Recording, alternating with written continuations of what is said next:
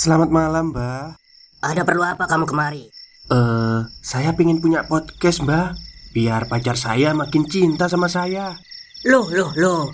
Mau bikin podcast kok tanya dukun? Sekarang kamu download aplikasi Anchor.fm. Di situ kamu bisa buat podcast gratis dan podcast kamu bisa didistribusikan ke platform mana pun. Dan di aplikasi atau website Anchor.fm juga terdapat fitur-fitur yang memudahkan kamu untuk membuat podcast. Oh, gitu ya, Mbak.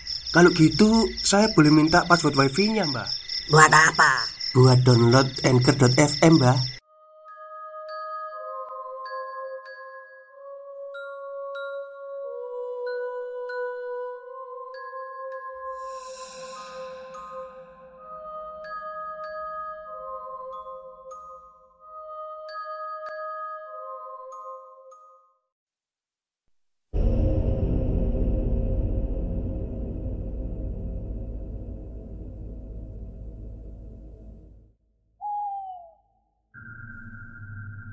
Assalamualaikum warahmatullahi wabarakatuh. Halo semuanya, jumpa lagi dengan saya Chow Sing Sing Narator dari podcast Horror Night Story. Halo, apa kabar semuanya? Semoga kalian baik-baik saja ya. Dan seperti biasanya pada siang hari ini Saya kembali Dan akan menghadirkan sebuah kisah mistis untuk kalian semua dan kisah mistis kali ini saya datangkan dari tweet twitternya at Tipping Yang menceritakan tentang stasiun dan gudang tua. Oke daripada kita berlama-lama Mari kita simak ceritanya. Selamat malam. Kali ini gue akan bercerita tentang pekerjaan seorang pengatur perjalanan kereta api atau PPKA yang mana beliau sebagai pemilik cerita kali ini. Seperti biasa, gue dengan pemilik cerita sudah sepakat bahwa nama, tempat, lokasi, dan latar belakang harus dirahasiakan karena untuk keamanan pemilik cerita. Dan jika dari pembaca mengetahui apa yang telah dirahasiakan dalam cerita ini, gue minta untuk tidak memberikan informasi apa pun. Terima kasih atas kerjasamanya dan membantu gue menepati janji pada pemilik cerita kali ini. Langsung aja ke cerita. November 2007 Menurut gue, sebuah pekerjaan apa pun sangat mulia karena gue paham dalam pekerjaan terdapat resiko yang dapat terjadi mau dan tidak mau, itu harus diterima. Selayaknya sebuah pekerjaan, pasti ada sebuah cerita menyenangkan dan menyedihkan. Begitu juga menyeramkan. Sebut saja gue Iman. Orang-orang terdekat gue di pekerjaan kadang manggil gue dengan awalan Pak. Tapi Gue selalu bilang sama mereka, manggil nama akan membuat kita lebih dekat. Gue udah menginjak tahun ketujuh bekerja sebagai pengatur perjalanan kereta api (PPKA). Sudah berpindah dua kali stasiun. Banyak pengalaman aneh yang pernah gue alamin, tapi gue yakin itu hanya bagian dari seninya bekerja. Di stasiun kali ini tidak terlalu padat pekerjaan. Gue dalam artian normal aja sebagaimana mestinya. Hanya saja stasiun ini menurut cerita yang berkembang di masyarakat setempat menyimpan cerita horor yang cukup melegenda. Walaupun awal kepindahan gue sampai saat ini belum pernah sama sekali mengalaminya. Bahkan sangat kebetulan Stasiun ini lokasinya adalah tempat kelahiran istri gue. Gue punya teman dekat kerja yang namanya Romli, salah satu kondektur di stasiun yang saat ini gue bekerja. Bahkan Romli lebih duluan daripada gue kerja di stasiun ini. Rom, bangunan tua yang di samping itu lumayan kenceng ya ceritanya. Ucap Imam. Alah, itu hanya cerita masa lalu. Biasa Zaman Belanda waktu pembuatan ini Saud Romli. Gue denger emang ada cerita gitu ya? Pernah ngalamin? Tanya Imam. Belum lah pak. Hanya saja memang banyak warga di sini yang bahkan lebih tahu daripada kita pak. Saud Romli. Iya sih. Besok gue kerja malam Rom Ucap Imam. Haha Hati-hati loh pak. Biasanya Semakin penasaran Suka datang sendiri. Saud Romli bercanda. Beberapa hari yang lalu memang mertua gue cerita Karena memang awalnya Gue yang bertanya soal bangunan tua yang dulunya dijadikan gudang itu. Mertua gue tidak menceritakan hal aneh-anehnya Malah hanya berpesan kalau emang harus berhati-hati tapi memang melihat stasiun ini tidak begitu mempunyai suasana menyeramkan apa pun, hanya saja bila malam hari tiba. Biasa digunakan anak-anak muda untuk nongkrong di rel kereta api yang sudah tidak aktif lagi. Bahkan gue sering melihat mereka mabuk-mabuan di rel itu yang menghadap ke bagian gudang tua Belanda. Tapi Bagaimana bisa mereka berani melakukan hal bodoh itu? Dengan cerita masyarakat di sini tentang si cantik Belanda, atau karena mereka telah mengetahuinya, jadi tidak merasa takut. Data yang gue tahu tentang terjadi kecelakaan di sekitaran stasiun merupakan hal yang membuat gue menggelengkan kepala. Hari-hari bekerja gue selalu normal, bahkan terkesan memang begini-begini aja, monoton. Hingga malam ini, bagian gue kerja angin sangat kenceng. Memang, gue sangat mengantuk malam ini. Tidak seperti biasanya yang membuat gue kaget ada bau amis yang sama sekali sebelumnya belum pernah gue cium bau seperti ini. Gue memaksakan keluar dari ruangan dan melihat ke arah bangunan gudang itu, tapi nggak ada siapa pun. Anehnya, bau amis itu hilang seketika. Gue lanjutkan bekerja hingga pagi, terus gue pulang ke rumah setelah itu. Lanjut untuk beristirahat tidur. Tapi tiba-tiba bangun-bangun, gue dalam keadaan lemas. Setelah melihat celana gue Gue kaget. Apa gue udah mimpi basah di siang bolong seperti ini? Gue inget-inget dalam mimpi gue Ada perempuan yang sangat cantik Blasteran Belanda. Tapi nggak tahu siapa perempuan itu. Mungkin hanya mimpi saja. Saat itu gue tidak berani bicara kepada siapa pun termasuk istri gue hanya saja, entah kenapa, pikiran gue menyangkut pautkannya dengan cerita gudang itu. Tapi, keyakinan gue berkata lain. Ini hanya halusinasi dan cocok logi gila saja.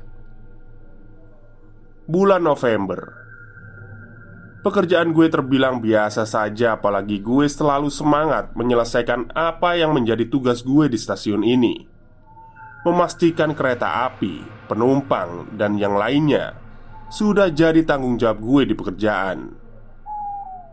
Ini adalah awal tanggal bulan November, hari Kamis, dan kebetulan gue bekerja malam. Suasana seperti biasa, pekerjaan satu persatu seperti biasanya gue selesaikan. Malam ini, seperti biasa, di depan gedung tua itu ada beberapa orang yang nongkrong-nongkrong sambil bermain gitar. Karena suaranya terdengar jelas sampai larut malam, akhirnya mereka bubar. Aku juga mencium bau amis yang pernah sesekali waktu itu aku cium. "Eh, Rom, kamu cium bau amis gak?" Tanya Imam. "Iya, Pak. Saya cium bau ini sudah sering loh." Saud Romli. Hah? Udah sering? Ucap Imam. Serius Pak Imam? Palingan karena ini malam Jumat pak. Saud Romli dengan santai sekali. Memangnya kenapa Rom? Ucap Imam penasaran. Dulu sih biasanya suka ada yang nampakkan diri gitu Pak Imam.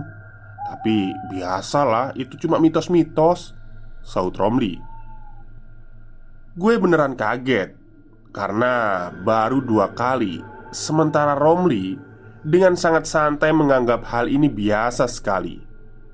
Akhirnya, setelah bau itu hilang, gue sengaja jalan keluar ruangan untuk segera sekedar melihat sekitar saja. Dan ketika gue melihat ke arah bangunan tua bekas gudang itu, sosok berambut panjang terlihat jelas duduk di rel kereta yang sudah tidak aktif itu. Gue terkesima beberapa detik. Walaupun hanya bagian sampingnya yang gue lihat. Seketika gue memejamkan mata dan menggosok mata. Wujud perempuan itu masih saja duduk. Lalu, siapa dia? Gue langsung masuk ke dalam ruangan manggil Romli. Rom, Rom Iya pak, kenapa? Coba lihat ke sana. Kataku sambil menunjukkan ke arah perempuan yang gue lihat. Kenapa pak di itu? Gak ada siapa-siapa. Saud Romli. Benar kata Romli. Tidak ada apa-apa. Dan sekali lagi aku lihat benar tidak ada apa-apa. Itu membuat gue kaget untuk kedua kalinya malam ini. Tapi Gue tidak bisa mengabaikan apa yang barusan gue lihat Dan mengiyakan cerita yang berkembang di masyarakat itu. Jumat pagi awal bulan November. Kebetulan mertua gue baru aja pulang dari pekerjaannya. Dan karena gue memang dekat sekali dengan mertua lelaki Jadi sudah tidak canggung untuk mengobrolkan apa pun dengan dia. Stop stop. Kita break sebentar Jadi gimana? Kalian pengen punya podcast seperti saya? Jangan pakai dukun Pakai anchor Download sekarang juga gratis. Sembari menyantap pisang buatan istri, ya, gue tinggal bersampingan di sini dengan rumah mertua. Jadi sangat dekat. Itu juga yang membuat gue bersyukur bisa kerja dan ditempatkan di stasiun ini. Beh, Imam kemarin malam mengalami kejadian aneh di tempat kerja. Ucapku Babeh adalah panggilan gue kepada mertua Emang kenapa mam? Saud Babe Enggak be Itu gudang tua yang dekat rel yang udah gak aktif itu Ucap Imam Oh itu. Iya itu bangunan tua.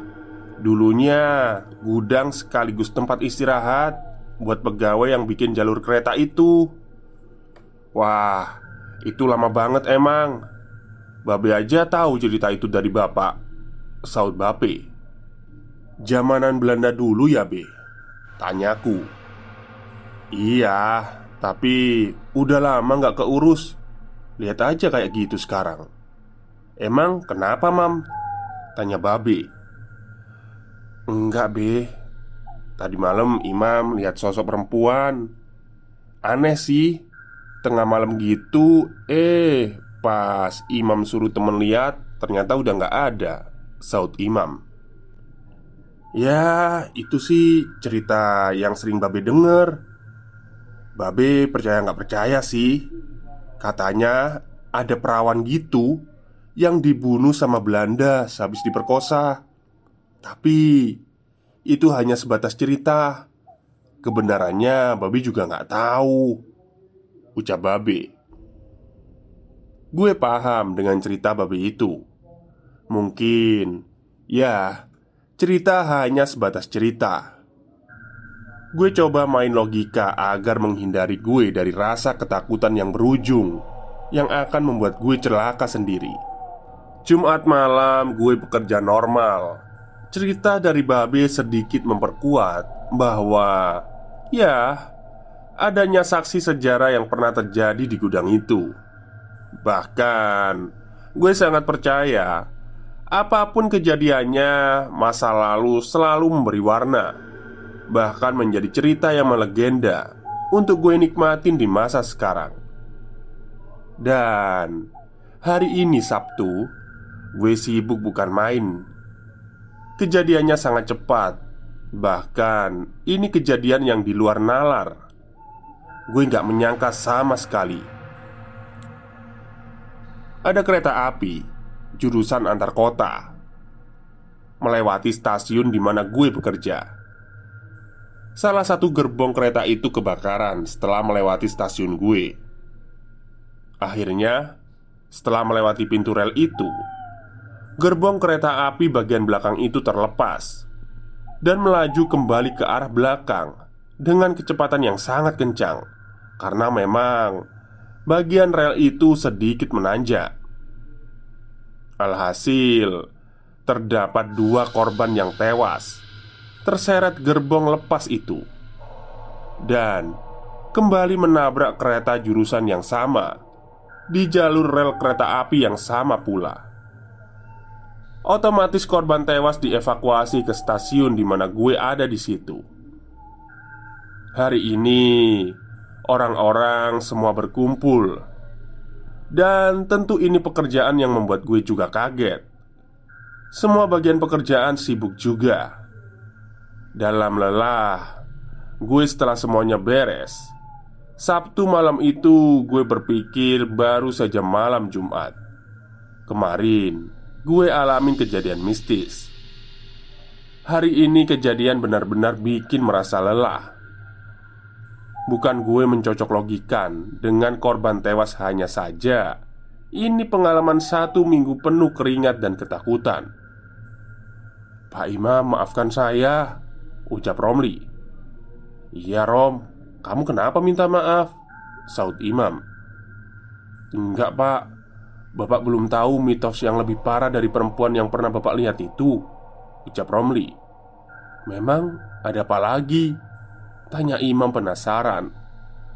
Sebenarnya ketika malam itu Pak Imam bilang ke saya Dan menunjukkan tempat pas malam Jumat itu Saya tahu Pak Imam melihat sosok perempuan kan? Ucap Romli. Karena aku juga sudah melihatnya pak dua kali. Tapi aku yakin Itu sosok yang sudah terbiasa di situ Ucap Romli. Ya benar kata Romli. Kita tidak bisa melakukan apa pun dengan alam lain. Hanya sekedar berdampingan Dan hanya lewat doa-doa saja yang bisa kita tembus Apalagi Rasanya tidak etis Menghubungkan suatu kejadian kecelakaan dengan hal-hal seperti itu setelah kejadian-kejadian yang gue alamin, gue jadi lebih terbiasa beradaptasi dengan cerita-cerita mistis yang berkembang. Karena pada dasarnya itu yang turun-temurun menjadi sebuah cerita. Gudang tersebut dan sosok perempuan masih tetap dengan ceritanya, dan gue masih tetap dengan pekerjaan. Dan sampai terakhir saat ini, kecelakaan yang memakan korban tewas masih ada saja di tempat stasiun gue bekerja ini. Bulan Maret tahun 2019 terakhir Anak-anak dini hari menuju subuh tewas tertabrak kereta api. Dasarnya, gue selalu ingin berpesan, kehati-hatian harus yang utama. Bahkan, kita tidak bisa menyalahkan siapa pun dalam sebuah kecelakaan. Selalu ada kelalaian dan korban. Sorry jika ceritanya singkat, Gue tidak menuliskan detail apalagi di bagian pekerjaan Karena tidak ada izin dari pemilik cerita. Karena pemilik cerita merasa itu hanya soal pekerjaan. Dan tidak merasa penting. Dan gue sangat amat menghargai hal itu. Stasiun dan gudang tua Belanda merupakan cerita yang gue tulis dengan kehati-hatian. Karena kesepakatan gue dengan penulis. Maksud saya dengan narasumber Sekali lagi gue mohon maaf jika pembaca kurang puas Biarkan cerita sebagaimana mestinya dan imajinasi kalian yang membentuk sendiri. Dan yang terakhir gue ucapkan terima kasih untuk pemilik cerita yang sudah mau berbagi cerita. Salam. Baik, terima kasih untuk treat horor pendeknya ya Mas QWERTY Tipping Tentang stasiun dan gudang tua. Jadi sebenarnya ini ceritanya bagus ya kalau kita bisa berimajinasi. Cuman karena memang ada batasan-batasan tertentu dan perjanjian tertentu dari narasumber Jadi nggak bisa floor gitu, mengalir gitu ya. Tapi semoga para pendengar bisa mengerti apa yang saya ceritakan ini Dan mungkin ada beberapa kalimat yang uh, agak kurang nyambung Karena memang uh, tanda bacanya ini ini ya maksudnya itu uh, kurang. Jadi saya nggak tahu harus berhenti di mana waktu cerita dan kapan harus lanjut itu tapi nggak apa-apa lah. Oke mungkin itu saja cerita dari saya pada siang hari ini kurang lebihnya saya mohon maaf. Wassalamualaikum warahmatullahi wabarakatuh